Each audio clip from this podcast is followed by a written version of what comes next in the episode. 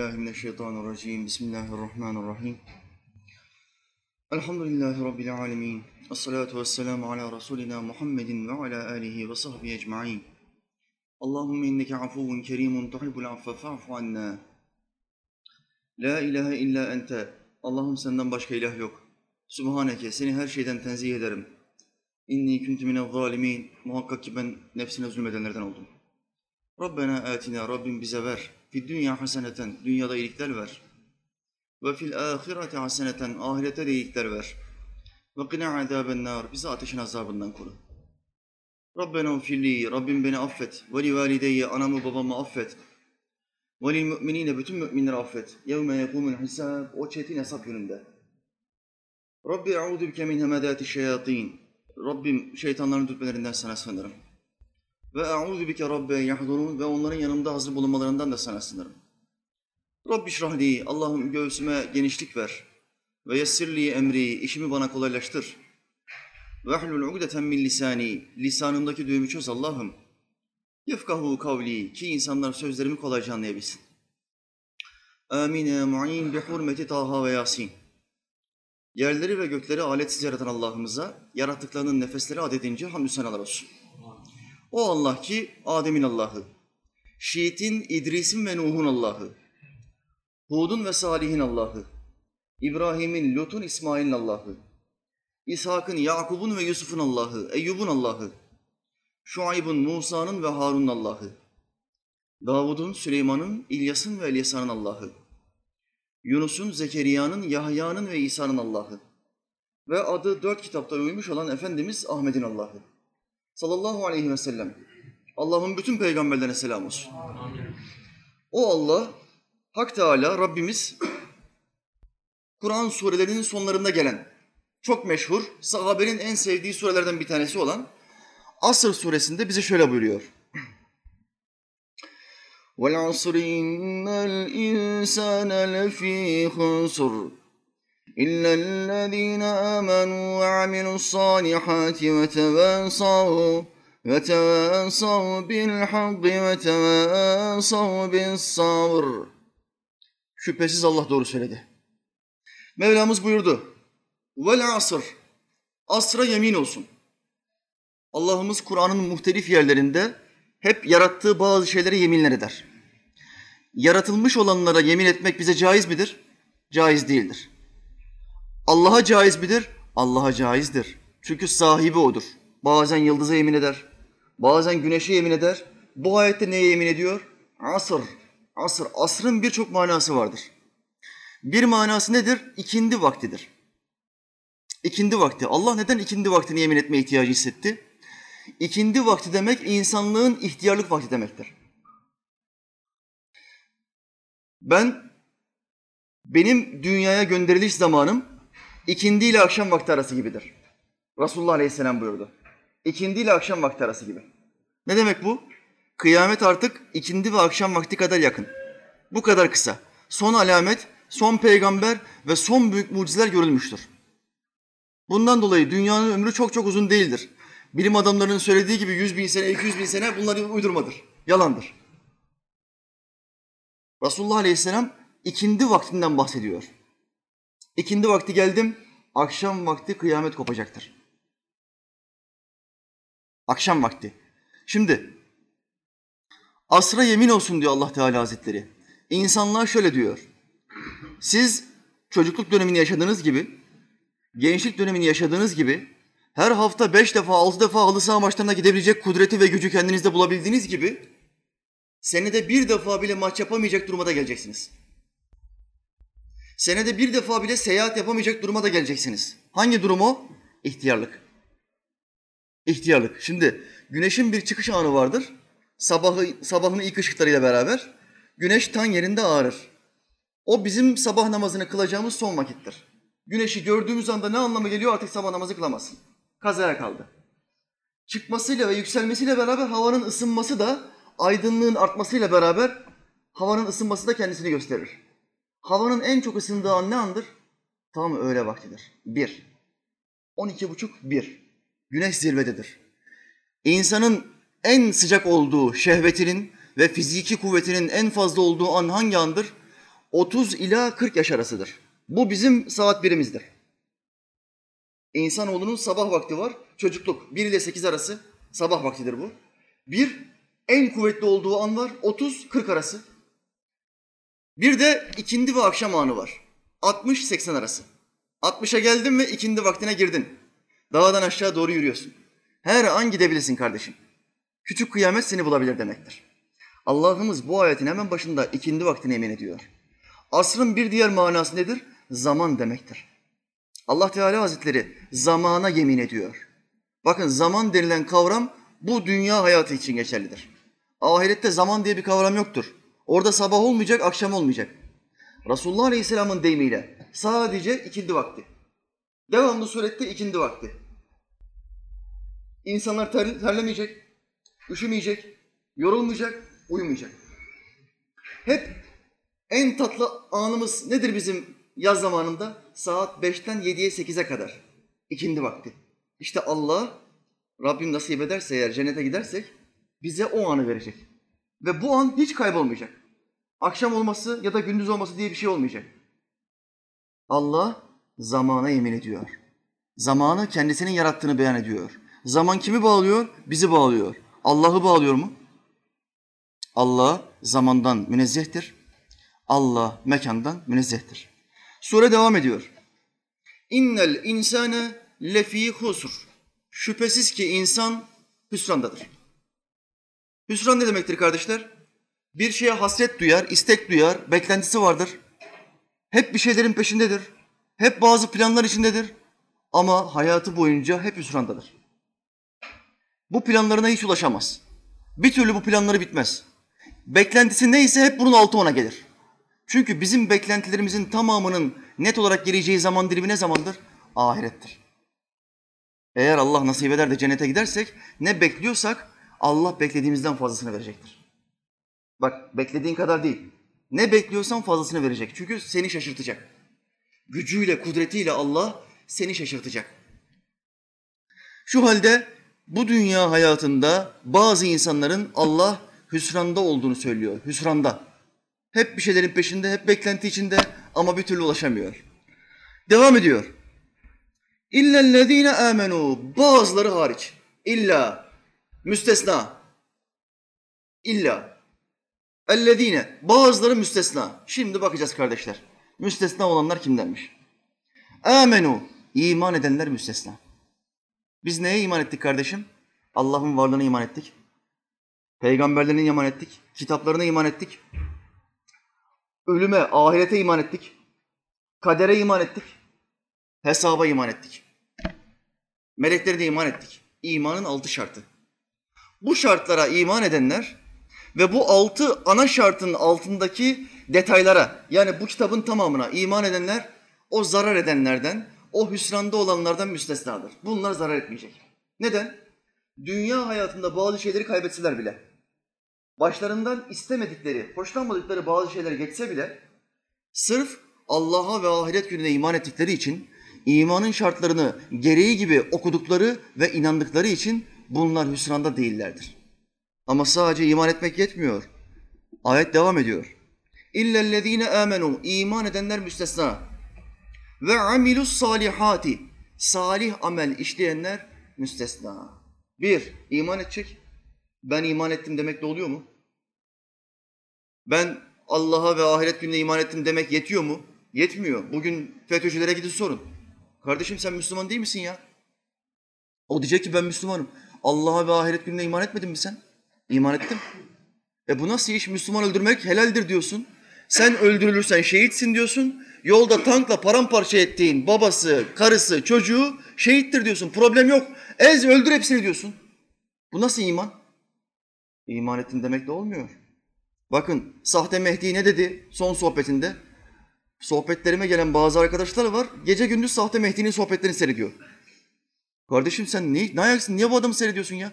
Hocam diyor sapık bir adam gördüm ya diyor. Başka sapıklar beni kandıramasın diye her hafta bu adam yarım saat sohbet veriyor diyor. Bunun YouTube kanalı varmış. Yarım saat diyor sohbetini seyrediyorum. O sohbetten, izlediği bölümlerden anormal, anormal bir şey olunca bana hemen sohbeti gönderiyorlar. Dakikasını da altına yazıyorlar. Hocam şu dakikayı izler misin? Tamamını seyredemezsin sen. Bu hafta bir sohbet yapmış. Sahte Mehdi. Sohbetine ne diyor biliyor musun? 30 saniyelik bir bölüm. Şok olursun. Haçlılar kötü insanlar değildir. Haçlı ne demek haçlı? Üç Tanrı'ya inanın demek. Üç tane Allah'ı var. Bir tane yok. Ana gayesi nedir Haçlıların? Ana gayesini bu kitap söylüyor. Allah onların içlerini bilir. Biz bilemeyiz. Yahudi ve Hristiyanlar birbirlerinin dostudur. Onlar size apaçık düşmandır. Şimdi bu ne diyor? Sahte peygamber. Haçlılar kötü insanlar değildir. Vatanınıza girmelerine izin verin, problem yok. Karınıza, kızınıza zarar vermezler. Subhanallah. Sübhan. Bak yakayı kaptırmış hoca vardır. Bir de tamamen kendini kendini kafirin hizmetine adamış hoca vardır. Sapık hocalar iki türlü. Bir yakayı kaptırmış, geri adım atamıyor. Bazen doğru söylüyor, bazen onların istediği gibi söylüyor. Yakayı kaptırmış. Bir de kendisini ona adamış. Ben ve arkadaşlarım Batı'nın hizmetindeyiz. Bizden şüphelenmeyin, bizi teslim etmeyin. Bu ne demek? Adamış artık kendisini Batı'ya, üç tanrıcılara, Yahudilere adamış. Adadığı için ne diyor? Haçlılar kötü insanlar değil, kimseyi öldürmezler bunlar. Karnınıza, namusunuza dokunmazlar. Çok. Biz tarih okumuş insanız ya. Haçlılar nereye girse Moğollar gibi perme perişan yaptı. Ne namus kaldı ne can kaldı. Çoluk çocuk demediler. Şimdiki PKK'ya da IŞİD gibi katlettiler. Haçlı demek bu demektir. Adamın kuralı yok, sınırı yok adamın. Dinini tahrif eden seni beni tahrif etmez mi? Adam Allah'ın kitabını tahrif etmiş. Sana bana dokunmaz mı? Ama ne diyor bu müsvedde? Bunlar kötü insanlar değil. Ne diyordu Amerika'nın Dışişleri Bakanı? Darbeyi yapan arkadaşlar aslında iyi insanlar, kötü insanlar değil. Bakın gidin bu adamların tamamına sorun. Bu sahte Mehdi de dahil. Ben Allah'a ve ahiret gününe iman ettim diyecektir. Ama yetmiyor. Ve amilus salihati. Salih amel işleyeceksin. Salih amel ne demektir? İmam Rabbani Hazretleri buyurdu ki, sırf salih amelin ne olduğunu anlayabilmek için Kur'an'ı iki defa peşi peşine okudum. Ve ben idrak ettim ki salih amel İslam'ın beş şartıdır. Bu beş şartı kim Allah'a adarsa, sadece ve sadece Allah için yaparsa bu adam salih amel işliyor demektir.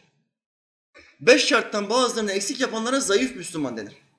Müslümandır ama zayıf Müslümandır.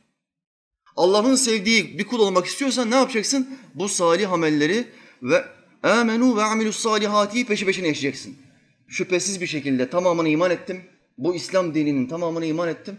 Peşinden de salih amellerimi elimden geldiği kadar yapıyorum. Namazımı kılıyorum, zekatımı veriyorum, orucumu tutuyorum. Bunu yapmadığın zaman, biri eksik olduğu zaman anahtarın dişlerinden bir tanesi olmamış oluyor. Olmazsa ne olur? Kapıyı açamazsın. Ve amenu ve amilus salihati ve teva. Şimdi zarar etmeyenlere devam ediyor Allah Teala. Kimler hüsranda değillermiş. Ve tevasav bil hakki. Birbirlerine hakkı tavsiye edenler hüsranda değildir. İman edenler hüsranda değil. Salih amel işleyenler hüsranda değil. Ve tevasav bil hakki. Birbirlerine hakkı sabriye, sabrı tavsiye eden, hakkı tavsiye eden kim varsa bunlar hüsranda değil. Bunlar paçayı kurtardı. Bunlar kârda. Hak nedir? Hak, hakkı sabrı, hakkı tavsiye eden diyor Allah Teala. Hak İslam'dır. Kim Allah ve Resulüne dair bir ayet ya da bir hadis başka bir Müslüman kardeşine karşılıksız bir şekilde ulaştırırsa bu adam bu ayete muhatap demektir. Hakkı tavsiye etti. E hocam ben İslam'ın tamamını bilmiyorum. Ben alim değilim. Alim olmak zorunda değilsin. İslam'a dair kaç mesele öğrendin? Sen altı aydan beri sohbete gidiyor geliyorsun. 20 tane mesele öğrendin mi? Öğrendin. Bu 20 meseleyi 20 arkadaşına anlatacaksın. Ve sen وَتَوَاسَوْ بِالْحَقِّ oldun. Hakkı tavsiye ettin. Sadece 20 meseleyi aktarmakla, anlatmakla. Bu adama davetçi denir. Alim değil ama davetçi. Takvayı tavsiye eder, haramdan sakınmayı tavsiye eder, ibadetleri yapmayı tavsiye eder. Kendisi tamamını mükemmel bir şekilde yapıyor değildir. Yapabildiği kadarını anlatır, bunu tavsiye eder. Çünkü hakkı tavsiye etmek hüsrana uğramamanın en belirgin özelliğidir. Tavsiye edeceksin. Sonra bis sabr ve sabrı tavsiye edenler müstesna. Hakkı tavsiye ederken bazıları da etrafındaki bazı Müslüman kardeşlerin de başından bazı sınavlar geçecektir. Sizden öncekilerin başına gelen sınavlar sizin başınızdan da geçmedikçe cennete gireceğinizi mi zannediyorsunuz? Ayeti biz Müslümanlar içindir. Kafirler için değil. Allah bizi tarif ediyor. Şu halde etrafımızda bazı insanların, bazen aile bireylerimizin, bazen komşularımızın, bazen arkadaşlarımızın başından bazı sıkıntılar geçecek. Biz ne yapacağız buna? وَتَوَاسَوْ sabır. Sabrı tavsiye edeceğiz. Kardeşim, dün benim başıma geldi, bugün sıra sende. Allah seni sınıyor. Ben sabrettim elhamdülillah. Sana da sabrı tavsiye ederim. Başına gelen ne ufak sıkıntı varsa, ne büyük sıkıntı varsa, bunlar kendiliğinden olmamıştır. Bunu Allah seni sınamak ve dereceni yükseltmek için sana vermiştir. Sakın ola öf bile deme. İşte kardeşler, bu sureyi yaşayan bir adam Allah'ın izniyle kurtulur. Sahabe-i kiram efendilerimiz, İmam Şafii rahmetullahi aleyh rivayet ediyor. Ne zaman iki tane, üç tane sahabeyi bir araya gelse, biraz sohbet etseler, ayrılmadan muhakkak Asr suresini okurlardı. Muhakkak. Resulullah aleyhisselam bu sure hakkında ne buyuruyor? Herhangi bir cemaat bir yerde toplanırsa, oradan dağılmadan Asr suresini okumazlarsa, o cemaat bir eşekler cemaatidir. Neden biz her sohbetten çıkışta Asr suresini okutuyoruz bir kardeşe? Bu hadise muhatap olmamak için. Sahabe-i kiramın bir sünnetini yerine getirmek için. Bazı alimler şöyle der. Kur'an'dan hiçbir sure inmemiş olsaydı, sadece Asr suresi inmiş olsaydı yine de insanların kurtuluşu için yeterliydi. Yeter ki bu sureyi hakkıyla yaşa. Şimdi surenin sonunda, üçüncü ayetin sonunda iki özellikten bahsediyor Allah Teala. Hakkı tavsiye edenler, sabrı tavsiye edenler. Hakkı tavsiye edenlerin en büyüğü kimdir? Muhammed Aleyhisselam'dır. Övgüler ve selam Efendimizin üstüne olsun. Sonra kimdir? Baş talebeleridir. Baş talebeleri. En büyük talebeleri dört tanedir. Ebu Bekir, Ömer, Osman, Ali. Allah'ın selamı onların üstüne olsun. Sahabeleri severken sıralamamız vardır bizim. Abdülkadir Geylani Hazretleri. Müslümanların Müslümanları sevme sıralamasını anlatır. En başta Resulullah Aleyhisselam'ı seversin. Sonra ilk dört halifeyi seversin. Ondan sonra cennetle müjdelenmiş aşeri mübeşşere sevilecektir. On müjdelenmiş. Sonra ilk iman etmiş 40 kişi. Bakın dereceler böyledir. Müslümanların dereceleri nasıldır? Önce dört halife, sonra on cennetlik, sonra ilk iman etmiş 40 kişi. Dört, on, kırk. Sonra Bedir'de cihada girmiş 313 kişi. Uhud'a katılanlar Bedir'e katılanlar gibi olamazlar. Ayette Allah Teala buyuruyor ki Bedir'den önce iman edenlerle Bedir'den sonra iman edenler bir değildir. İkisi de Müslüman değil mi kardeşler?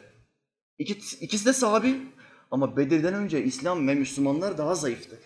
Zayıf olmasına rağmen gittiler Muhammed Aleyhisselam'a teslim oldular. Bedir'den sonra Müslümanlık çok kuvvetlendi. Teslim oldular yine ama daha kuvvetli bir şey gördükten sonra teslim oldular. Dolayısıyla ilk iman edenlerin imanıyla sonra gelenlerin imanı bir değil. Dördüncü halifemiz İmam Ali'ye bakın. Yaş kaç? On. On yaşında bir çocuk Muhammed Aleyhisselam 40 yaşında, amcaoğlu Ali 10 yaşında.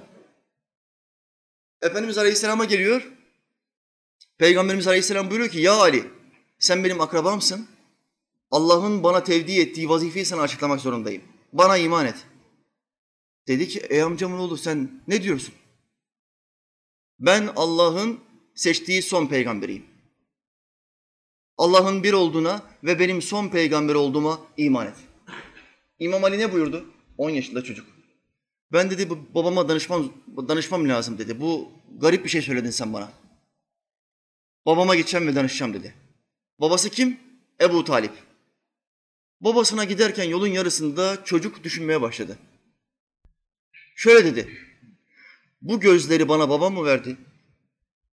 Bu zekayı, bu aklı bana babam mı verdi? Yürümek için bu ayakları bana babam mı verdi? Elleri ve ruhu, bu yaşamı, bu hayatı bana babam mı verdi? Hayır, bana bir tek zat verdi. Allah verdi. Ve benim amcaoğlum bana o zattan bahsediyor. Tek ilahtan bahsediyor. Tek ilah. İmam Ali rahmetullahi aleyhe kerremallahu veçhe denilmesinin sebebi nedir? Çocukluğunda bile puta tapmamıştır. İçinden böyle bir istek, ihtiyaç gelmemiş. Putlara karşı hep bir soğuk bakıyor. Bakın babası ve amcaları puta tapıyor. Hazreti Hamza da dahil. Ama Hazreti Ali radıyallahu anh gençliğinde puta tapmamış. Allah onu korumuş. Tek bir ilahın inancı kalbinde var. Tıpkı İbrahim Aleyhisselam gibi. Tıpkı Efendimiz Aleyhisselam gibi. Ama bunu dillendiremiyor. Allah diyemiyor. Bilgi yok çünkü elinde.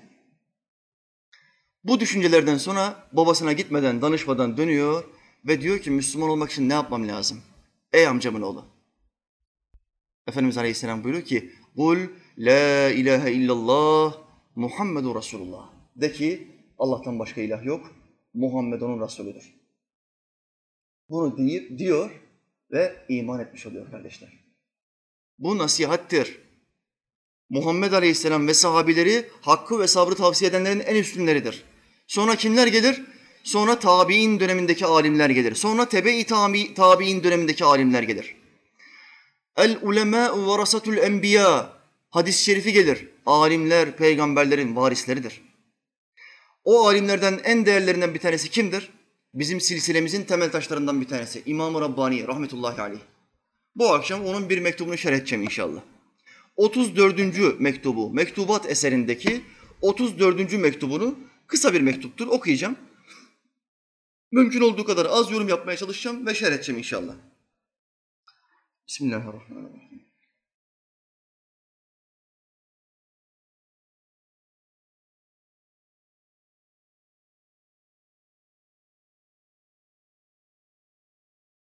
Bir insanın alim olup olmadığı, ehli sünnet olup olmadığı, hak yolda ya da batıl yolda olup olmadığı şuradan belli olur. Muhammed Aleyhisselam'a ne kadar tabi? Son peygambere ne kadar benziyor? Bir adamın veliliğini ancak buraya bakarak anlayabilirsiniz. İmam-ı Rabbani Hazretleri'nin özelliği nedir? İmam Rabbani buyuruyor ki, hayatım boyunca Resulullah Aleyhisselam'ın yapamadığım bir tek sünneti olmadı. Bütün sünnetleri yerine getirdim. Bir tek sünnet kaldı. O nedir? Efendimiz Aleyhisselam canından çok sevdiği torunları Hasan ve Hüseyin'i omzuna alırdı ve onlarla oynardı. Benim iki tane erkek torunum olmadığı için bu sünnetini yerine getiremedim. Mübarek ölümüne dair bir bilgi paylaşıyor dervişleriyle. Yaş 53. Diyor ki ben Allah izin verirse bir 10 sene sonra aranızdan ayrılırım. Ben ümit ediyorum ki Muhammed Aleyhisselam'ın sünnetlerine çok bağlı olduğum için Allah beni 63 yaşında vefat ettirecek. Kaç yaşında vefat ediyor? 63. Ebu Bekir Sıddık kaç yaşında vefat ediyor? 63. Ömer radıyallahu anh 63. Osman radıyallahu anh 63. Sünnete çok bağlı olduğumuz zaman Allah Teala hayatının sonunu sana gösterir. Seni öyle yaşatır. İmam Rabbani 10 sene önce söylüyor talebelerine. Talebeleri kayda almışlar. Eserlerine, ondan bahsettikleri eserlerine ben buna şahittim, bana söyledi diye yazmışlar. 63 yaşına geliyor. Gelmeden bir ya da iki sene önce şöyle diyor. Yapamadığım tek bir sünneti var efendim. Torunlarımı omzuma alamadım çünkü iki tane erkek torunum yok. Ama benim bir kızım var. Kızımın iki tane erkek çocuğu olacak. Bu erkek çocukları dünyaya geldiği zaman benim kabrime gelin. Kabrimin sağ tarafına büyük olanını koyun. Sol tarafına küçük olanını koyun. Tam omuzum istik istikametine. O sünneti de vefatından sonra yaşamış olayım. Şimdi Allah bu insanı veli yapmayacak da seni benim yapacak. Şu ince düşünceye bakar mısın Allah aşkına? Bunu yapmasan ne olur? Böyle bir farziyet var mı? Torunlarını sağ ve sol omzuna alma gibi bir farziyet var mı? Yok. Ama yaparsan Allah seni daha çok sever. Çünkü Kur'an Efendimiz Aleyhisselam'a met ediyor. Onda sizin için çok güzel bir örnek vardır. وَاِنَّكَ لَعَلَى خُلُقٍ عَظِيمٍ Şüphesiz ki sen çok yüce bir ahlak üzeresin. Çok güzel bir ahlak üzeresin. Kimden bahsediyor bu? Bu ayet kimden bahsediyor? Muhammed Aleyhisselam'dan bahsediyor. O zaman kime benzememiz lazım? Muhammed Aleyhisselam'a. İşte İmam-ı Rabbani Hazretleri ona çok benzeyen bir insan olduğu için etrafında binler, on binler talebe olmak için yarışmışlardır. Nerede yaşamıştır mübarek? Hindistan'da. Hindistan nasıl bir yer? Hindistan şimdiki sahte Mehdi gibi Ekber Şah denilen bir liderin bulunduğu bir yer. Ekber, adamın ismi bile şirk be. Ekber, büyüklerin en büyüğü, şahların en büyüğü. Şah ne demek? Yerlerin sahibi demek. Yerlerin kim sahibi? Allah Celle Celaluhu. Bu bir meydan okuma değil midir? Hayır. İşte İmam Rabbani böyle bir memlekette sahte Mehdilerin, sahte tarikatların, sahte dinlerin ortaya çıktığı bir ülkede Hindistan'da mücadeleye başlıyor. Ne yapıyor? Talebe yetiştiriyor. Devlet kademelerine adam koymaya çalışmıyor. Halkı bilinçlendirecek, halka ilim öğretecek alimler yetiştirmeye çalışıyor. Ve bu alimler onun etraftaki talebelerine yazdığı mektupları topluyorlar, biriktiriyorlar. Talebelerden bir tanesi bu mektupları Mektubat adı altında kitaplaştırıyor. Ve bu eser bugüne kadar geliyor. Ulemamız diyor ki, Kur'an-ı Kerim'den sonra en değerli İslam kitabı Buhari'dir. İmam Buhari'nin yazdığı sahih hadislerin bulunduğu kitaptır. 7000 küsur hadis vardır orada. Mükerrerleri çıkarttığın zaman 4000 tane sahih hadis kalır. Buhari'den sonraki en kıymetli din kitabı nedir? İmam Rabbani'nin mektubatıdır. Bir, iki, üç. Bir adam şu üç kitabı iyi incelerse, iyi anlamaya çalışırsa Allah'ın izniyle onu kimse kandıramaz. İşte o kitaptan bir mektubu, 34. mektubu inşallah buradan akledeceğim. Bu mektup Meyan Hacı Muhammed Lahori'ye yazılmıştır. Allah Teala'nın zatını sevmek ve bu sevgide üzmenin ve sevindirmenin beraber olduğunu bildirilmektedir. Talebesi mektubun girişinde mektubu kime yazdığını söylüyor ve mektubun bir özetini söylüyor. Allah'ı sevmek, Allah'tan geleni üzmek ve sevindirmek eşittir. Gerçek bir mümin için Allah'tan gelen üzücü olay ve sevindirici olay eşittir diyor. Bizim için eşit mi kardeşler? Bizim için eşit değil. Üzücü olay gelmesini istemiyoruz. Ama imam diyor ki ikisi eşittir. Hakiki müminler için sıkıntılı haber ve müjdeli haber eşittir. Bakalım nasıl eşitmiş. İmam başlıyor. Allahü Teala insanların seyidi Muhammed Aleyhisselam hürmetine hepimizi yanılmaktan, şaşırmaktan korusun. Amin. Bir dua ile başlıyor. Duasında en başa kimi koyuyor? Allah'tan bir şey istiyor. Allah Teala'nın ismini zikrediyor ve ondan bir şey istiyor. Ama ne yapıyor burada? Tevessül yapıyor. Hürmetine, hürmetine, kimin hürmetine? Muhammed Aleyhisselam hürmetine. Hepimizi yanılmaktan, şaşırmaktan korusun. Buna tevessül denir, vesile denir, vesile kılmak. Allah Teala'ya dua edebilirsin. Allah Teala'dan bir şeyler isteyebilirsin. Ama araya Allah'ın en sevdiği bir insanı koyarsan, Muhammed Aleyhisselam'ı koyarsan, Allah'ım Muhammed Aleyhisselam hürmetine beni affet dersen, alimlerin yaptığı gibi, sahabelerin yaptığı gibi yaparsın. Yapmış olursun. Muhammed Aleyhisselam'ın yaptığı gibi yapmış olursun. Efendimiz Aleyhisselam ne yaptı? Kendisine uzun yıllar boyu evladı İmam Ali gibi bakan Fatıma, Allah ondan razı olsun. Fatıma annemiz vefat etti. Onu kabre kim koydu? Hazreti Ali koymadı. Manevi oğlu Muhammed Aleyhisselam koydu.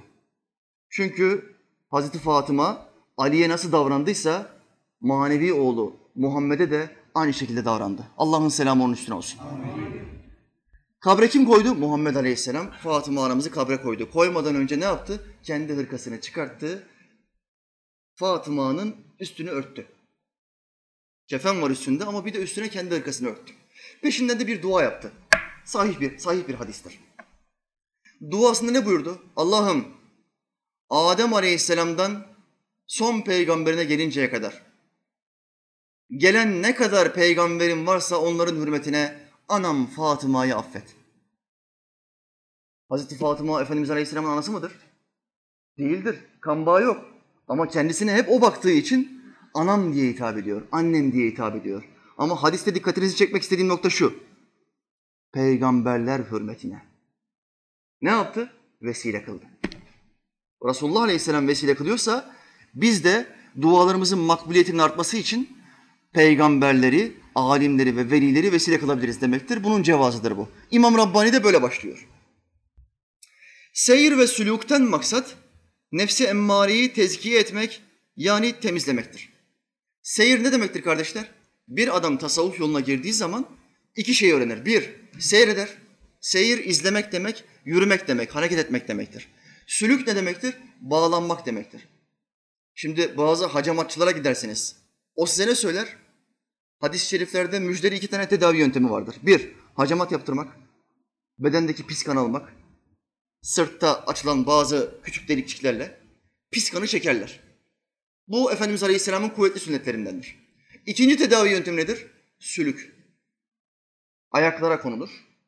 Ve sülüğün özelliği nedir? Pis kanı çeker. Temiz kanı değil, pis kanı çeker. Onda büyük bir lezzet vardır sülük için. Dervişin bir adı nedir? Seyri sülüke girmiş olan adam demektir. Salik, salik. Allah yoluna, tasavvuf yoluna girdiği anda devamlı bir şeyi çeker. Nedir o? İlim çeker. İlim. Muhammed Aleyhisselam'ın Kur'an'dan öğrendiği ve süzüp sahabilerine öğrettiği ilmi, ahlak ilmini derviş her sohbete gidişinde alır. Ve onu emer. Tıpkı bir sülük gibi. Dervişin bir adı da bundan dolayı saliktir. Seyreder, devamlı o yolda bulunur, dinleye, izleye, göre, öğrene, yaşar. Taklit ede ede kalitesi gittikçe artar. Seyri sülük yolunda adım adım yavaş yavaş Muhammed Aleyhisselam'a benzemeye başlar. Benzeyiş dervişlikte başlar. Önce kendisinden daha kuvvetli olan, daha kaliteli olan, daha salih olan bir dervişe benzemeye çalışır. Bu adam benden daha samimi, bu adam dini benden daha iyi biliyor ve benden daha sadık. Benim bu adama benzemem lazım. Sahabiler önce kimi taklit ettiler? Birbirlerini taklit ettiler. Ömer benden daha sadık. Ebu Bekir benden daha iyi. Hazreti Ömer radıyallahu anh ne, ne buyurdu? Bu zekat döneminde Ebu Bekir'e geçeceğim. Hedefi kim? Ebu Bekir Sıddık. Geçmek istediği, yarıştığı kişi kim? Ebu Bekir Sıddık. Onu taklit ediyor, onu geçmeye çalışıyor. Dervişlik yolu da sahabe yolu gibidir.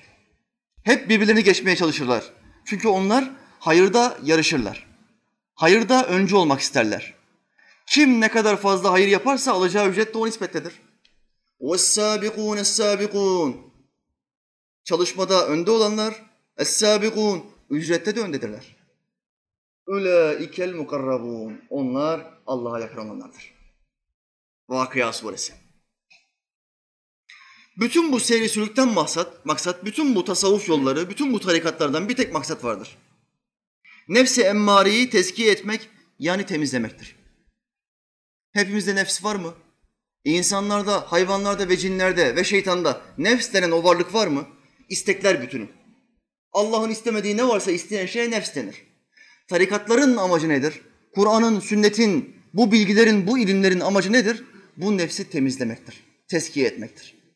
Tasavvuf yoluna girmiş olan bir derviş şunu der. Üstadım, hocam, ben içimdeki bu düşmanı, bana namaz kıldırmayan bu düşmanı tanımak istiyorum ve buna namaz kıldırmak istiyorum. Ben küfrümü terk, ettirim, terk ettirmeyen, dilimi temizlikten uzak tutan ve beni küfrettiren bu nefsimi düzeltmek istiyorum. Artık küfretmek istemiyorum. Ben bakışlarıma hakim olan, beni devamlı yabancı kadınlara, kızlara bakmak zorunda bırakan bu nefsimi terbiye etmek istiyorum, tezkiye etmek istiyorum, temizlemek istiyorum. Bana bir yöntem. Bana Resulullah Aleyhisselam'ın sahabilerine öğrettiği bir yöntemi göster. Kardeşler, tasavvuf yolu nasıl ki bedeni hastalıklarımızda kime gideriz biz? Tabibe gideriz, doktora gideriz. Başımız ağrır, karnımız ağrır, dilimiz tutulur, gözümüzde kararmalar olur. Tansiyonumuz düşer, kalbimiz teklemeye başlar. Direkt kime gidersin? Hocaya gitmezsin. Doktora gidersin. Çünkü fiziki hastalıkların tedavisinin, şifasının vesilesi kimdir? Doktordur. Aynen bunun gibi manevi hastalıkların da şifa vesileleri vardır. Bunlar kimlerdir? Mürşidi kamillerdir. İmam Rabbaniler gibi, Behaeddin Nakşibendler gibi, Mevlana Halitler gibi, İhramcı Zadeler gibi. Bunlar manevi doktorlardır. Manevi doktorun gerçek bir mürşidi kamil olduğunun en önemli alameti nedir? Sünnete hepimizden çok daha fazla bağlıdır. Bir, iki, ücret istememesidir. Ücret olmayacak. Yok bana himmet lazım, bana şu lazım, bana bu lazım olmayacak. Ücret yok. Ne var? Allah rızası için hizmet var. Sen hizmetini yap, ücretini Allah'tan bekle. Hud aleyhisselam gibi söyleyeceksin. Allah'ın peygamberi ne buyurdu? Ben bu yaptığım iş karşılığında sizden bir ücret istemiyorum. Benim ücretim ancak beni yaratana aittir. Şimdi siz mi Allah'ın dostuna daha fazla ücret, ücret verebilirsiniz? Yoksa yerlerin ve göklerin sahibi olan Allah, Allah mı? Kim verebilir? Allah verebilir. İşte bu mürşidi kamilin özelliğidir. Hasta olan kişi kalbindeki kibir, riya, hiddet, haset, çekememezlik, öfke, yalan, dünya sevgisi bu gibi kötü ahlakları, kötü hastalıkları, iç hastalıklarını gider kime söyler? Mürşidi Kamil'e. Bu, bu konularda kendimden şüpheleniyorum. Bu konularda içimde böyle bazı hissiyatlar hissediyorum. Bana hangi zikri tavsiye edersin? Hangi duayı tavsiye edersin? Nefsimi yenebilmem için ne yapmam lazım? Kalbinde riya olan, kalbinde öfke olan, kalbinde dünya sevgisi olan doktora gider mi? Hasaki'deki doktora gider mi? Kardeş bana bir serum ver be. Kalbinde çok fazla riya var. Der mi? O onun işi değil. Onun işi başka. Bedeni hastalıkları tedavi etme. Bu mürşidi kamillerin işidir. Dervişlerden bazıları gelir, mürşidi kamile tabi olur. Ondan bu hastalıklarının karşılığını öğrenir. Yerine getirmeye başlar ve hakikaten de şifa bulur. Allah şifasını verir. Ama bir kısmı da vardır ki aynı tedavi yöntemlerini kendisine anlatmasına rağmen mürşidi şifa bulmaz. Aynı kötü ahlaklar bunun üzerinde bulunmaya devam eder. Öfke, şehvet, riya, kibir, haset. Bunlardan bir türlü kurtulamaz. Burada sorun kimdedir? Burada sorun mürşitte değildir. Sorun saliktedir, talebededir. Aynı derse gelen, aynı sohbetlere gelen 50 tane derviş memnun ve kendisinde bazı gelişmeler görüyor. İki tane derviş diyor ki ben hiç kendimi düzeltemedim. Hala kalbimdeki bu kötü ahlakları terk edemedim, bırakamadım. Sorun kimdedir kardeşim? Reçeteyi yerine getirmiyorsun. Doktor sana diyor ki bu reçeteyi yap. Sen yapmıyorsun. Doktor sana bir reçete vermiş. Reçetede beş tane ilaç var. Sen diyorsun ki eczaneye gitmeme gerek yok. Şimdi eczacıyı zengin mi edeceğim ya? Zaten doktordan alacağım nasihatleri ben aldım. Bana yeter. İlaç içme sende olur. Şifanı bulabilir misin kardeş? Bulamazsın. Senin tasavvuf yolundaki mürşidin sana diyor ki her gün 24 saatte bir Allah'ı zikredeceksin. Bin kere, iki bin kere, beş bin kere, yedi bin kere manevi durumuna göre zikir dersin var senin. Sen Allah'a söz verdin. Söz verdikten sonra bu artık sana vaciptir.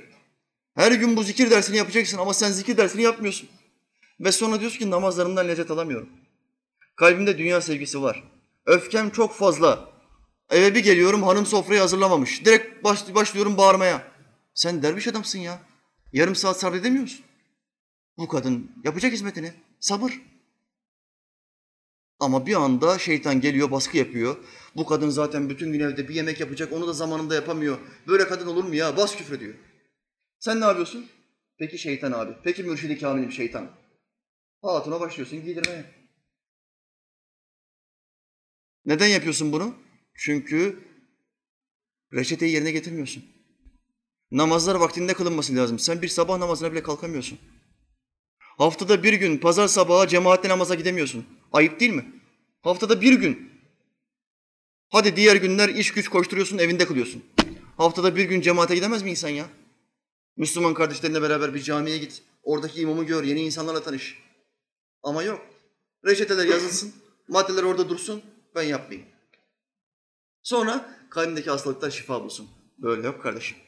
Sakın ola kusuru yolunuzda aramayın. Kusuru doktorunuzda aramayın. Kusuru kendinizde arayın. Ben bu görevleri yapıyor muyum? Yapmıyor muyum?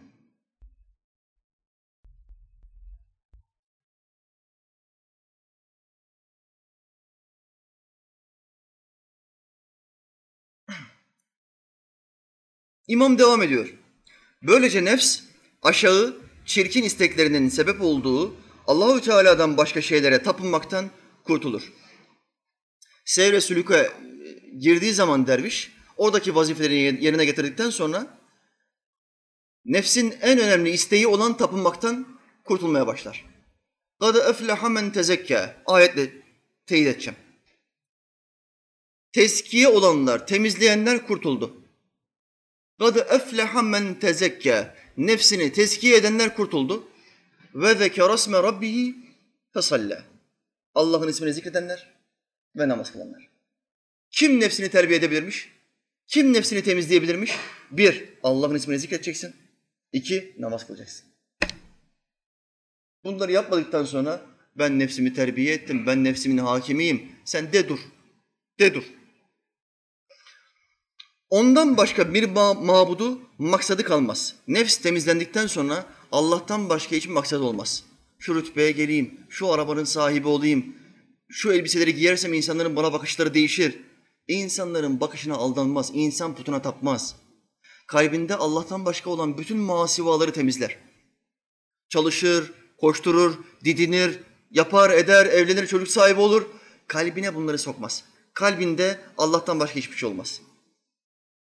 Dünyadan bir şey istemediği gibi ahiretten de bir şey istemez. Şimdi bakın. Biz Müslümanlar ibadet yapmamız, zikir yapmamız nedendir? Cehennemden kurtulmak ve cennete girmek. Bu güzel bir şey midir? Güzel bir şeydir. Ama imam diyor ki kişi zikir adedini arttırdığı zaman ve nefsini terbiye ettiği zaman, teskiye ettiği zaman öyle bir makama gelir ki ibadeti ahiret için yapmaz. Sadece Allah için yapar. Evet, ahireti istemek iyidir, sevaptır. Fakat ebrar için yani nefislerinin sevgisinden kurtulmamış olup nefislerini azaptan korumak ve nimetlere kavuşturmak için ibadet edene sevaptır. Müslümanlar iki türlüdür. Bir, ebrar, iyiler. Cennet için ibadet yapanlar, cehennemden korunmak için ibadet yapanlar. Bunlara ebrar denir. Kur'an-ı Kerim'de de çok geçer. İyi bir şey midir? Güzel bir şeydir. Ama bir de ikinci tür Müslümanlar vardır. Bunlara da mukarrepler denir. Mukarrepler kimdir? Allah'a yakın olanlar. Bunların ibadeti ne içindir? Sadece ve sadece Allah rızası için. Bunlar ne cennet sevgisiyle ibadet yaparlar, ne de cehennem korkusuyla. Rabiatül Adevi'yi hatırlayın. Allah ona rahmet etsin. Amin. Tabiinin döneminin veli kadınlarından, alime kadınlarından. Ne buyuruyor? Bakın bu duayı herkes yapamaz. Allah'ım kalbimde cennet sevgisi olduğu için sana kulluk yapıyorsam, sana ibadet yapıyorsam beni cennete koyma. Bu nasıl duadır kardeş? Aramızdan birisi bu dua yapabilir mi? Bu duayı yapman için o, o makamda olman lazım. O makamda değilsen ve kalbinde zerre kadar cennet sevgisi varsa Allah duanı kabul ederse cennet yüzü göremezsin. Öbür duası ne? Allah'ım kalbimde zerre kadar cehennem korkusu olduğu için haramlardan sakınıyorsam beni cehennemden çıkartma. Ben sadece ve sadece senin rızan için ibadet yapıyorum. Sadece senden korktuğum için haramlardan sakınıyorum. Buna ne denir? Ulaikel mukarrabun. Onlar Allah'a yakın olanlardır. Diğeri ne? Ebrar. Cenneti istiyor. Biz şu anda aynı konumdayız kardeşler. Dervişlik yolunun başındayız. Ebrar, iyiler. Allah Teala cennetin köşesinde bize bir yer versin. Yerden daha önemlisi azaptan kurtulmak, ateşten kurtulmak. Şu andaki mertebemiz budur. Allah bize mukarrepliği nasip etsin. Amin. Hedefinizi yüksek tutunuz. Çıtayı yüksek tutunuz. Bize bu yeter. Yok. Bizim hedefimiz, niyetimiz odur. Allah'ım niyetimizi sen biliyorsun. Ölene kadar bu niyet üzere bizi sabit kıl ya Rabbi. Amin. Çünkü İslamiyet'te hayırlı bir şeye niyet ettiğin zaman onu yapacak gücün olmasa bile niyet ettiğin için Allah sana onu verir. Bak fıkıhtan bir ölçü getireyim. Bir adamın kaza borcu var 20 senelik. 20 senelik kaza borcu var.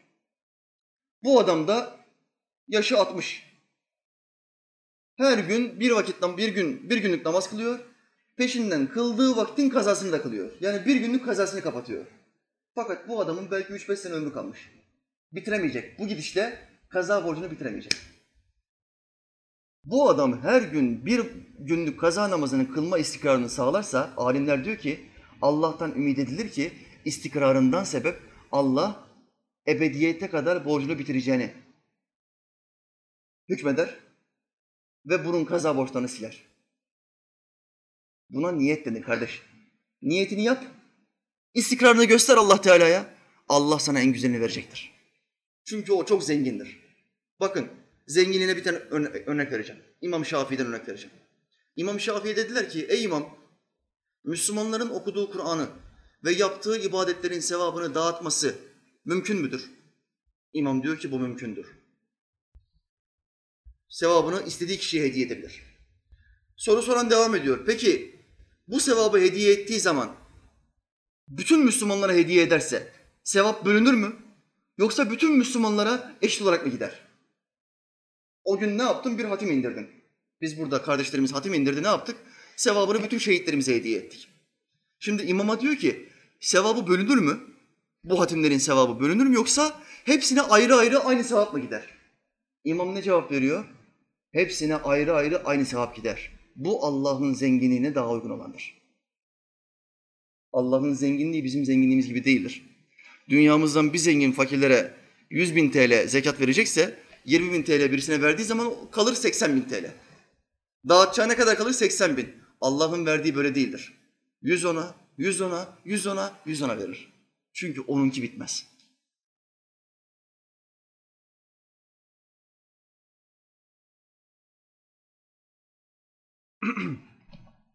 Mukarreplerse ahireti istemeyi de günah bilir. Bakın, şu yakınlığa bakın. Allah'a yakın olanlar ahireti istemeyi de kendisine günah bilir. Tıpkı Rabiatül Adeviye gibi. Zat-ı ilahiden başka hiçbir şey istemez. Allah'ım ben sadece senden seni istiyorum. Bu kimin duası? Şeyhimin duası.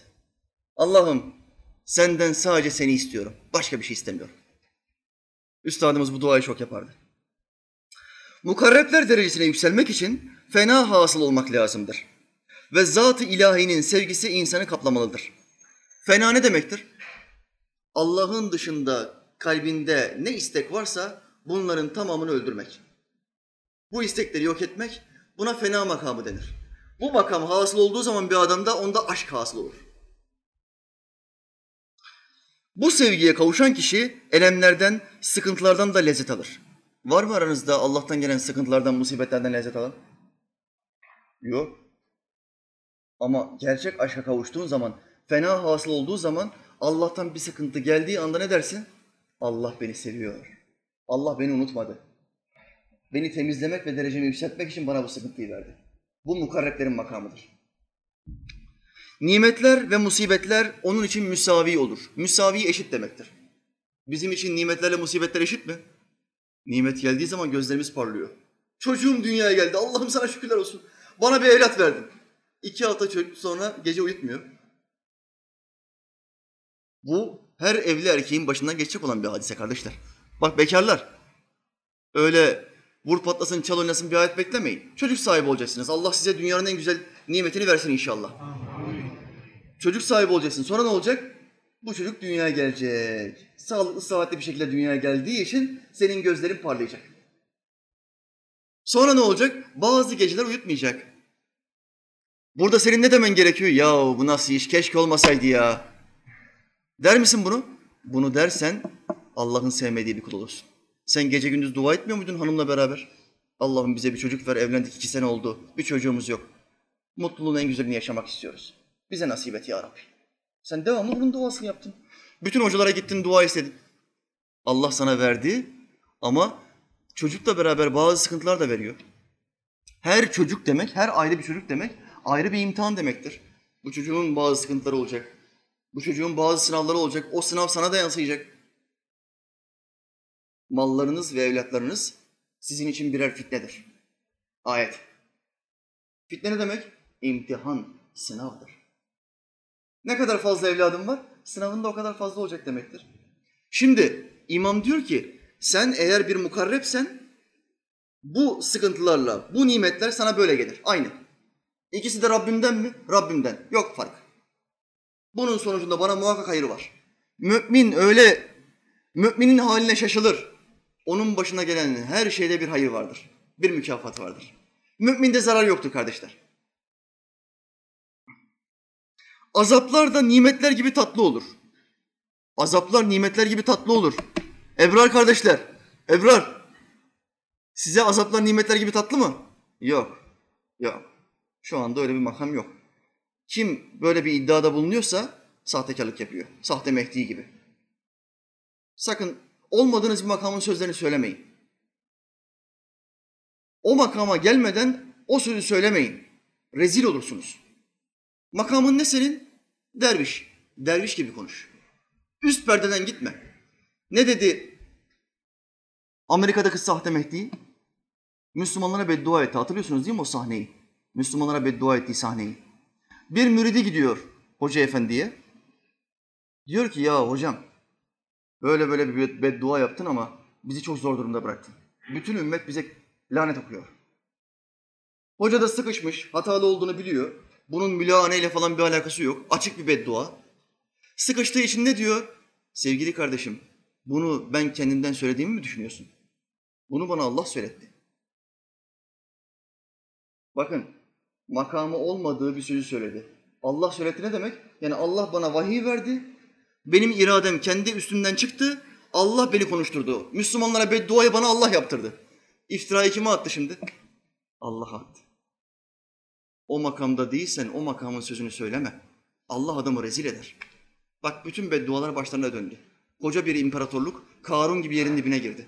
Bu daha iyi günleri. Beteri geliyor. Allah başlarını kaldırmalarını nasip etmesin. Amin. Amin. Kaldırırlarsa Haçlıların girmesine izin verirler. Açık açık adam sohbetinde söylüyor ya.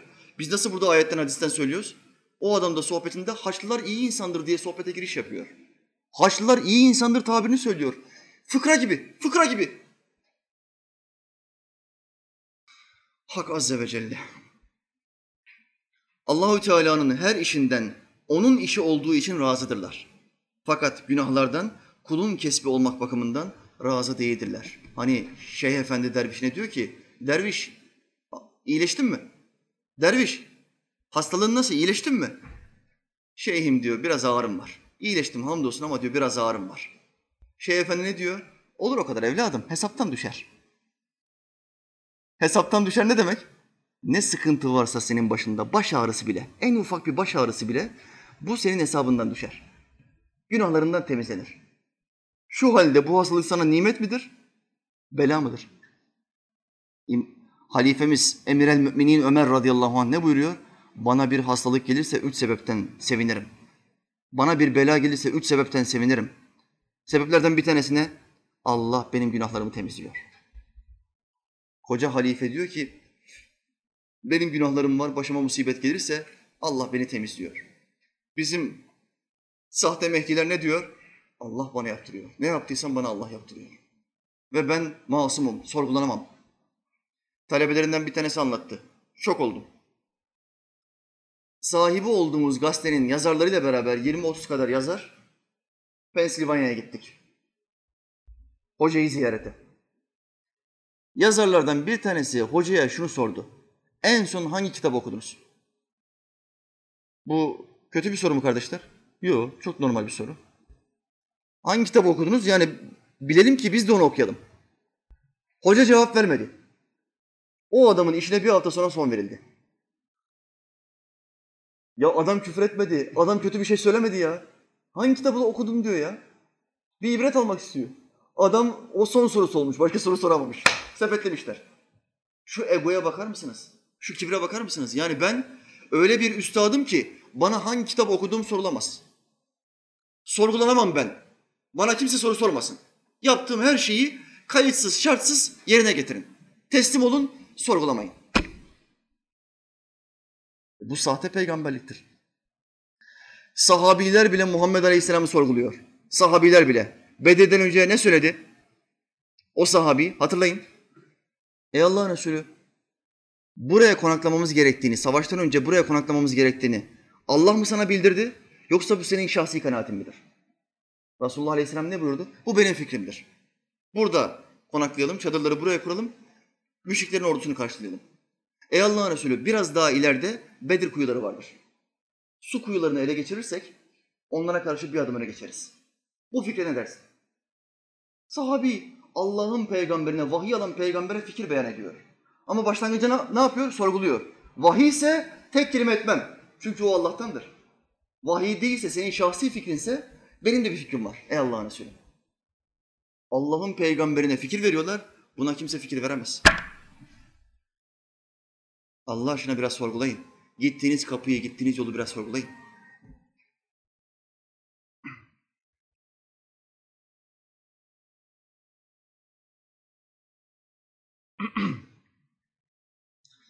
Cenneti Allahü Teala'nın razı olduğu yer olduğundan ve cenneti isteyenleri sevdiği için isterler. Bakın mukarrepler neden cenneti, cennete nasıl bakıyor? Orası Allah'ın razı olduğu bir yer. Ve Allah cenneti isteyenleri, cennet için ibadet yapanları da seviyor. Yani ebrarı seviyor. Mukarrepler de bundan dolayı isterler. Cehennemden sakınmaları da Allahü Teala'nın gazap ettiği yer olduğu içindir. Yoksa cenneti istemeleri nefislerine tatlı geldiği için değildir. Biz Kur'an'daki ayetleri, cennetle alakalı ayetleri okuduğumuz zaman ağzımızın suyu akıyor. İtiraf edelim. Ağzımızın suyu akıyor. Tefsirleri falan okuduğumuz zaman benim en keyif aldığım yer cennet ayetleridir. İtiraf ediyorum. Allahü Teala yarattığı o cenneti öyle bir tarif ediyor ki insanın daha fazla ibadet etme ihtiyacı, hissiyat ortaya çıkıyor. Cehennemden bahsettiği zaman da titremeye başlıyoruz. Müminler için en güzel hayır, en güzel yardım, en güzel iyilik nedir? Hakkı ve sabrı tavsiyedir. En büyük sadaka budur. Bundan daha büyük bir sadaka yoktur. Bakın zekattan ve sadakalardan, infaklardan daha büyük bir infak nedir? İlim öğretmektir. Müslüman kardeşine ilim öğretmektir. Fakire fukaraya yardımcı olmaktır. Sadakanın en üstünü ilim öğretmek, bilgi vermektir. Devrin birinde bir beldede kuraklık hasıl oldu. Aylar sürdü, yağmur yağmadı. Yağmur duaları yaptılar, hocaları çıkarttılar. Allah yağmur, yağmur vermedi. Beldede bir fakir Allah dostu vardı. Bu veli zata gittiler. Dediler ki sen Allah'ın bir dostusun. Bizimle beraber yağmur duasına çıkar mısın? Veli zat dedi ki tamam beraber çıkarız inşallah. Çıktılar. O zat dedi ki duadan önce yapmamız gereken bir şey vardır. Nedir o? Herkes sahibi olduğu bir şeyi bir fakire hediye etsin. Benim üzerimde bir cübbem vardır. Bu cübbemi bir fakire hediye edeceğim. Ve bundan sonra bu yaptığım iyilik hürmetine Allah'tan yağmur isteyeceğim. Siz de böyle yapın. Oradaki halk bu zatın dediğini yaptı ve fakirlere yardımda ve tasaddukta bulundular. Bundan sonra bu veli zat şöyle dua etti. Allah'ım amellerin senin katında çok değerli olduğunu biliyoruz. Fakirleri sevindireni sen de sevindirirsin. Biz bunu da biliyoruz. Allah'ım biz az önce senin fakir kullarını sevindirdik. Bu amelimizin senin katında ufak da olsa bir değeri varsa bize yağmur gönder. Amellerin şefaati haktır. Resulullah Aleyhisselam'ın hadis-i şerifini hatırlayın. Üç tane gencin mağaraya kapandığını, mağaranın girişine kocaman bir kayanın düştüğünü hatırlayın. Üç tane genç neyi şefaat çıkıldı? Kendi yaptığı amelleri şefaat çıkıldı. Allah'ım şurada bir haramdan sakındığım için beni affet. Eğer bu amelimin senin değerinde, senin nazarında bir ufak bir değeri varsa bizi bu mağaradan kurtar. Hatırlayın o olayı. Uzunca anlatmıştım o hadis-i şerifi. Neyle şefaatçi oldular? Amelleriyle şefaatçi oldular. Allah'ım amelimizi bize şefaatçi kıl. Dediler. Allah onları mağaradan kurtardı. Bu veri ne yaptı? Fakirlere yardım etme amelimizden dolayı bize rahmetinle muamele et. Bize yağmur gönder dedi. Evlerine dönmeden Allah Teala onlara yağmur gönderdi. İşte kardeşim, Allah'tan bir şeyler isteyecek misin? İsteyeceksin. Allah'ın bu dünyada en sevdiği kulları fakir kullarıdır.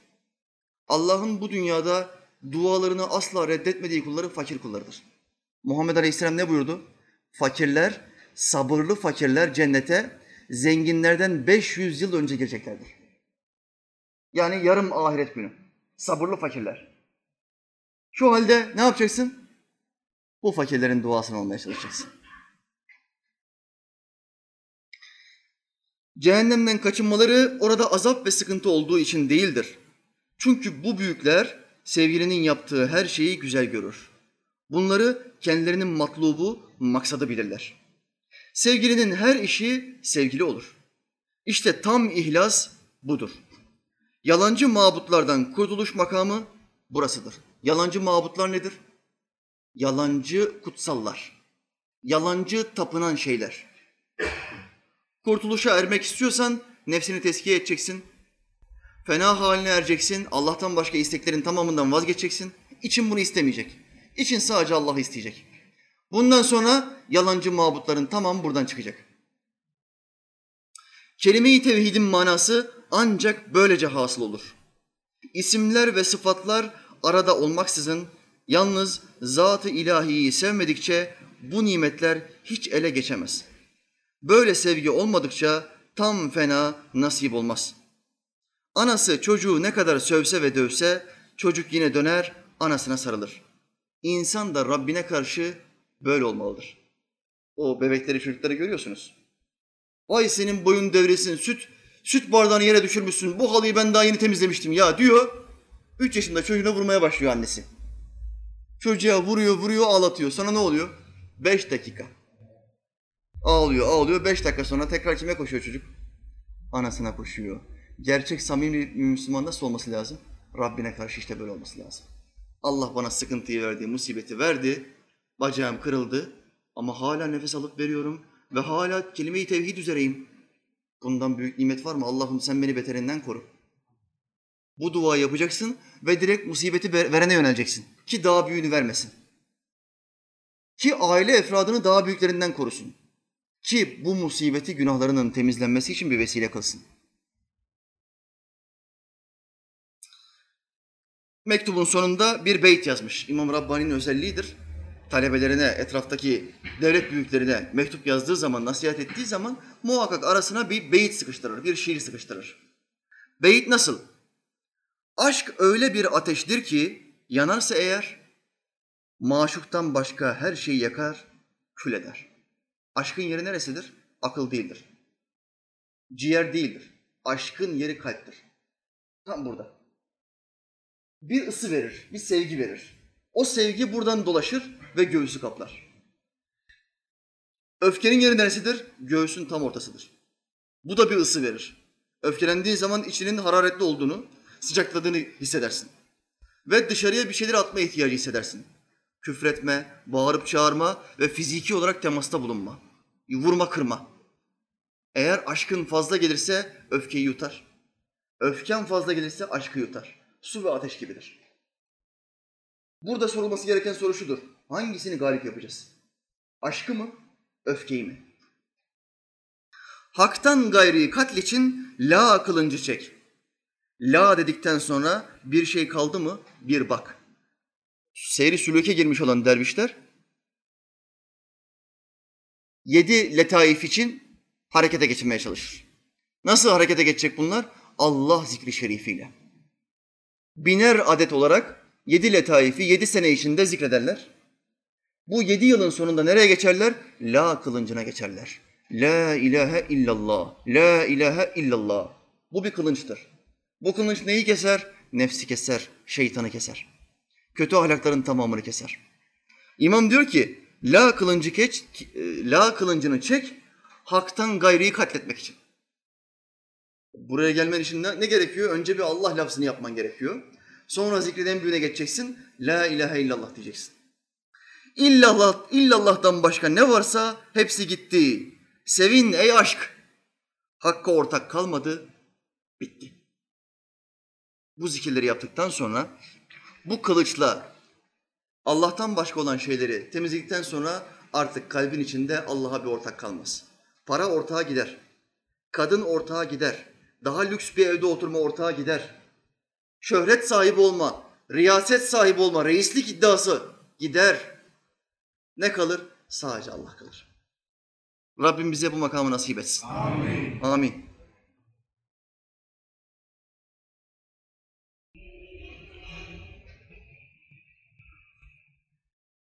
Bu hafta cevapladığım bir soruyu okuyayım. Kardeşimiz bir imam, Siirt'te vazifeli. Çok enteresan bir sual olduğu için paylaşma ihtiyacı hissettim. Siirt'te imamım, cemaat inattan camiye gelmiyor. Kardeşler, inattan camiye gitmeyen cemaat gördünüz mü? Var. Bu ülkede her şey var. Soru. Selamun aleyküm hocam.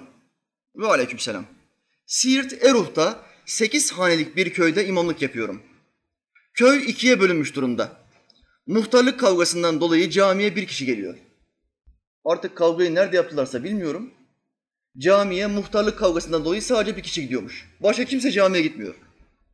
Namaz kılan evinde kılıyor. Bu benden önceki imam zamanında da öyleymiş. Bir şeyler yapıp cemaati çoğaltmak istiyorum. Sizin gibi anlatma kabiliyetim de yok. Anlatsam da insanları bir araya toplamak sıkıntı. Çocuklar bir şekilde şekerle, çikolata, çikolatayla tamam ama yetişkinler için ne tavsiyeniz olur? Çocukları camiye toplamak için, Kur'an kursu dersi vermek için çikolata şeker alıyorum diyor. Kur'an kursu veriyorum diyor. Onları an, kaldırıyor, kandırıyorum diyor. Ama diyor bu adamlar yetişkin adamlar diyor. Bunları camiye çikolatayla şekerler çekemem ki diyor. Ben nasıl çekeceğim bunları diyor. Ve inat var. Bana ne tavsiye edersiniz diyor. bir şeyler yapamamak canımı sıkıyor. Bak imam hakikaten cihat bilinci olan bir imam. Yoksa bu adam gider maaşını alır, namazını kıldırır, bir kişi on kişi fark etmez. Umursamaz. Yolunda gider. Ama bu adamın içi sıkılıyor. Bir de buralarda hatimmiş, mukabeleymiş hiç bilen yok yani. Kur'an'a gereken değer verilmiyor. Kendi başıma boş camide hatim indiriyorum yine de. Allah'ın evidir diyorum. En azından melekler dinler diyerek kendimi teselli ediyorum. Bu hadis-i şeriftir imam kardeşim. Melekler dinler hadis-i şeriftir. Orada Kur'an okurken biraz sesli okumamız gerekiyor. Herhangi bir ortamda kimse yoksa bile. Kim melekler bizi takip eder dinlerler. Hocam sıkıntım büyük. Yardımcı olun Allah rızası için bir şeyler yapmak. Aldığım parayı hak etmek istiyorum. Ne tavsiyeniz olur? Duanızı eksik etmeyin. Allah'a emanet. İmam kardeşim Allah senden bin kere razı olsun. Amin. Rabbim sözlerine tesir versin. Amin. Etrafındaki cemaati yüzlerce binlerce yapsın inşallah. Amin. Amin. Amin. Cevap ve aleykümselam. Gelen insan sayısı önemli değildir. Hizmet yaptığınız yere bir kişi bile gelse o bir kişiye sanki yüz kişi gelmiş gibi sohbet vermek, namaz kıldırmak ve derdine ortak olmak sorumluluğunuz vardır. Kardeşler, ahirete gittiğimizde yarın Allah Teala Kerem hocanıza neden senin on bin tane taleben olmadı diye soru soracak mı? Neden seni yüz binler izlemedi, dinlemedi? Neden sana bu kadar insan tabi olmadı? Böyle bir sorgu sual olacak mı bize? Hayır. Adetlerle sorgu sual yoktur. Neye sorulacak biliyor musunuz? Sana verdiğim ilimle benim dinime hizmet ettin mi, etmedin mi? İşte bu kesin çıkacak. Bu ahiret sorusu kesin çıkacak. Paralelcilerden almadım bunu. Bak buradan aldım. Onlar soruları falan çalıyor ama bunu bilmiyorlar demek ki. Bu sorulara hazırlanmamışlar. Bu ahiret sorusu çıkacak. Sana verdiğim ilimle, hayatla, sağlıkla benim dinime hizmet ettin mi? Allah bana bunu soracak. Şunu sormayacak kardeşler. Neden talebe sayın bin olmadı, yüz bin olmadı? Hayır, bu bizim elimizde değil. Kalplere hidayeti ve sevgiyi ulaştırmak Allah'ın hükmündedir. Bizim vazifemiz ne? İnsanlara İslam'ı tebliğ et, gelen gelsin, kalan kalsın. Sen vazifeni yaptın mı? Ahirette gelen kaç kişi var? 50 kişi, 100 kişi. Şahitlik edecekler. Ya Rabbi biz gittik. Vazifelerine, sohbetlerine gittik. Şahidiz. Bu kulun vazifesini yapmıştır. Bunu diyecekler. Bu kardeşimize ne söyledik? Gelen kişi sayısı üç de olsa, beş de olsa hiç umursama. Vazifeni yapmaya devam et. Bu derviş zulüm yıllarında on sene boyunca evlerde on kişiye sohbet vermiştir. O sıkıntılı dönemlerde ben kardeşlere neyi tavsiye ederdim? On kişiyi geçmeyin. Dikkat çekmeyin. Şu anda başımızda İslam'a düşman olanlar var, solcular var. Her evi takip ediyorlar. Bazı çalışma grupları oluşturmuşlar. Tıpkı MIT gibi. Bunların görevine nerede bir dini topluluk, cemaat varsa evleri basın. Bunlar tehlikelidir.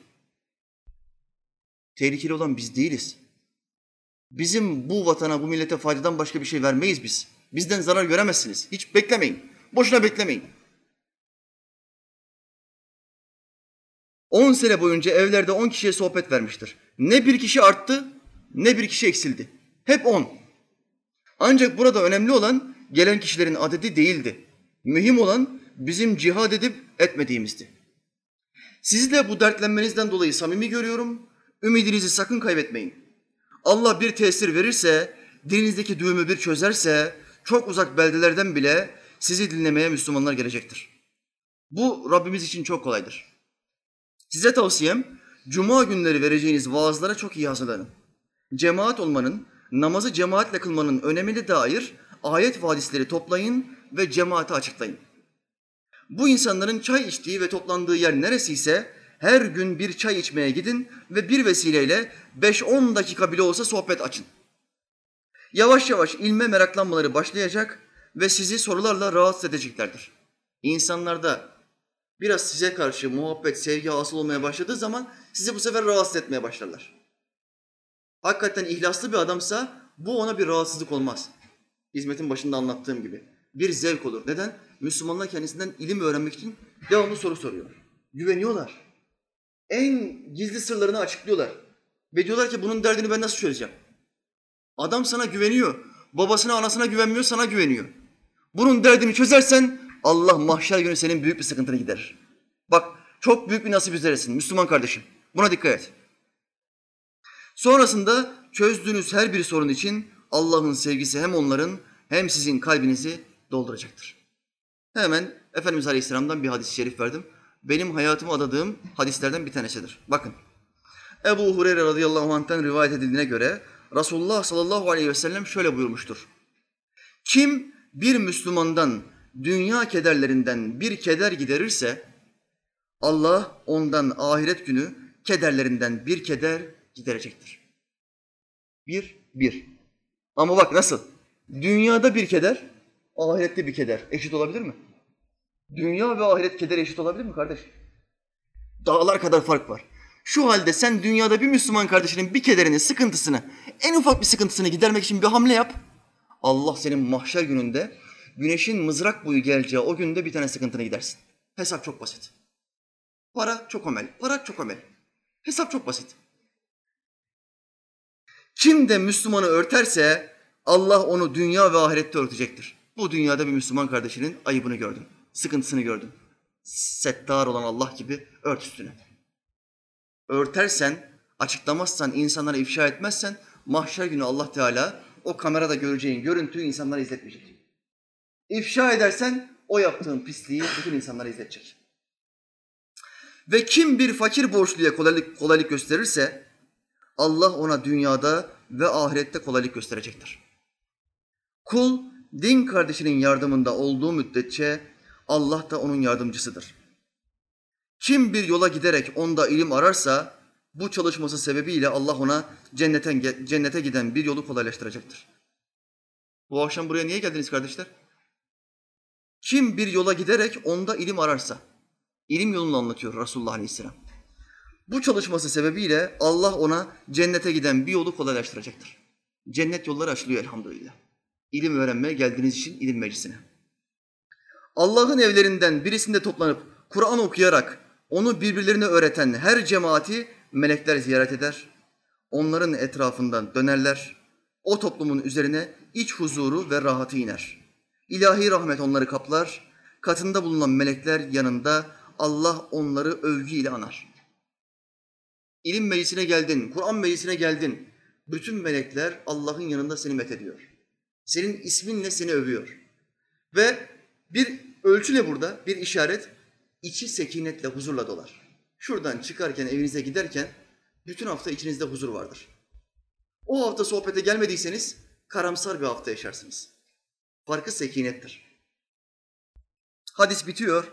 Ameli yüzünden geri kalan bir kimse nesebi şerefiyle sürat alamaz. Amelde eksiksin, sohbetlere gitmiyorsun, namaz kılmıyorsun, oruç tutmuyorsun, zekat vermiyorsun. İlme karşı merakın yok. Ve şöyle diyorsun, benim dedem hacı. Ne ayaksın oğlum sen ya? Kurtarır mı? Resulullah Aleyhisselam diyor ki, nesebinin şerefiyle sürat alamaz, yol alamaz, hızlanamaz. Amelin yoksa nesebin ne olursa olsun bir yere varamazsın. Nuh Aleyhisselam'ın oğlu ondan daha büyük nesep var mı? Babası peygamber ya. Kurtulabildi mi? Benim babam peygamber ama onun gemisine binmem. Dağa çıkarım, dağ beni kurtarır. Kurtarabildi mi dağ onu? Kurtaramazsın. Allah'ın hükmü geldi mi? Hiç kimse kurtaramaz. Peygambere tabi olacaksın. Kurtuluş peygambere tabi olmakta. Allah'ın selamı onların üstüne olsun. Amin. Ama bunu yapmadılar. İşte imam kardeşlerimiz insanlara tebliğ yapacağı zaman şunu düşünecek. Bu tebliği yumuşak bir üslupla yapmam lazım. Sevdirerek yapmam lazım. Muhammed Aleyhisselam'ın şu hadis-i şerifini unutmamam lazım. Kolaylaştırınız, zorlaştırmayınız. Sevdiriniz, nefret ettirmeyiniz. Sadi Şirazi Hazretleri anlatıyor Gülistan'da. Sultanın birisi bir gece bir rüya gördü. Rüyasında bütün dişleri dökülmüştü. Hemen yanındaki vezirine dedi ki beldemizin en alim olan iki tane kişisini getir. Rüyamı tabir ettireceğim. Vezir gitti, bir genç, heyecanlı, ateşli vaazlar veren bir genç ve bir yaşlı şeyhi, bir de, veliyi sultanın huzuruna getirdi. Sultan genç olan vaize dedi ki, rüyamın tabiri nedir? Genç olan vaiz dedi ki, rüyanız hayır alamet değildir sultanım. Çok yakın bir zamanda bütün akrabalarınızın teker teker öldüğünü göreceksiniz.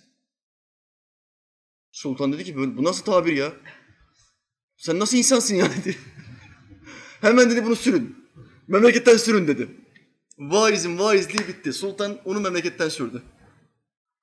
Şeyhe döndü. Ey şeyh dedi rüyamın tabiri nedir? Şeyh dedi ki sultanım Allahü Teala size o kadar uzun bir ömür verecek ki bütün akrabalarınızdan daha uzun yaşayacaksınız. Kardeşler aynı tabir değil mi? Aynı tabir değil mi? Bak öbürü diyor ki bütün akrabalarınızın öldüğünü göreceksiniz. Şeyh diyor ki bütün akrabalarınızdan daha fazla yaşayacaksınız. Aynı şeyi söylüyorlar ama farklı bir yöntemle söylüyorlar. Güzellikle, anlayat, anlatarak, yumuşaklıkla. Allah Musa Aleyhisselam'a boşuna mı buyurdu? Firavun'a gideceksin, o ilahlık davasındadır ama sen ona yumuşakça anlat. Yumuşakça anlat. Şimdi şeyh bir de önünde tabii ateşli vaizi de görünce, sürüldüğünü görünce öyle bir yumuşak anlatıyor ki sultanım Allah size öyle bir ömür verecek ki bütün akrabalarınızdan daha fazla yaşayacaksınız. Bin altın verin şeyhe diyor. Şeyh bir rüya tabiriyle köşeyi dönüyor. İşte vaiz kardeşler, imam kardeşler bu olayı böyle telakki etmesi lazım. Anlatırken nasıl ben bu adama daha kolay bir şekilde anlatabilirim? En ince ayrıntılara, detaylara, teferruatlara gireyim, çok bilgili olduğumu anlasın. Hayır, bizim böyle bir iddiamız olmayacak kardeş. O adam senin çok bilgili bir adam olduğunu biliyor, inanmış ama senden bir şey alamıyor. Senden bir şey alamadıktan sonra senin bilginin bir faydası yok ki. Bütün bilgiler, bütün ilimler bir şey içindir. İnsanları düzeltebilmek içindir. İnsanların anlayışına göre hizmet yapmamız lazım. Mevlana Celaleddin'i hatırlayın. Şöyle demişti. Ne kadar çok bilirsen bil, sözlerin karşındaki insanın anlayabileceği kadardır. Ne kadar büyük alim olursan ol, karşındaki adam ne kadar anlayabilir? Önce o adamın kapasitesini bir çözmen lazım. Bir konuş, bir diyaloğa gir. Sonra o adama anlayışına göre İslam'ı anlatman lazım. Anlat, öğret, kanıksasın, idrak etsin, sonra yaşamaya başlasın. Yaşadı. Her yaşayışında, her ibadet yapışında sana da onun sevabının bir misli gelecektir. Allah bize bu nimetleri nasip etsin kardeşim. Amin. Bir haber getirdim sadece. O haberi okuyayım kısaca hem kapatalım.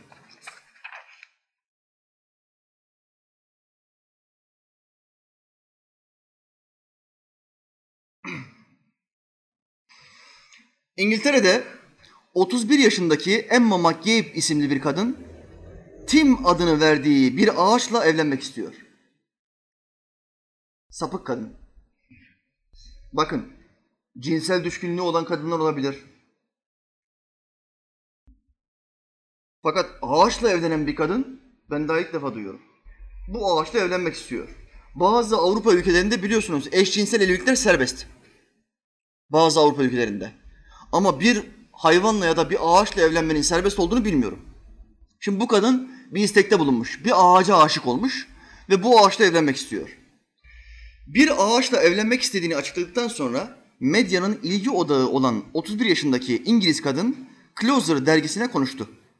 Erkekler tarafından sürekli reddedildikten sonra böyle bir karar aldığını belirten Emma, Tim adını verdiği ağaçla haftada dört defa görüştüğünü belirtti.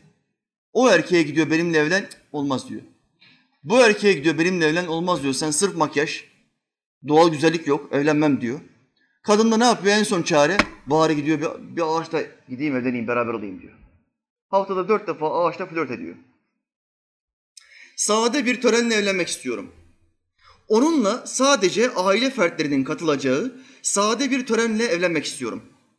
İnsanlar beni bu kararımdan dolayı yargılayabilir. Ama Tim beni diğer erkeklerin aksine mutlu ediyor.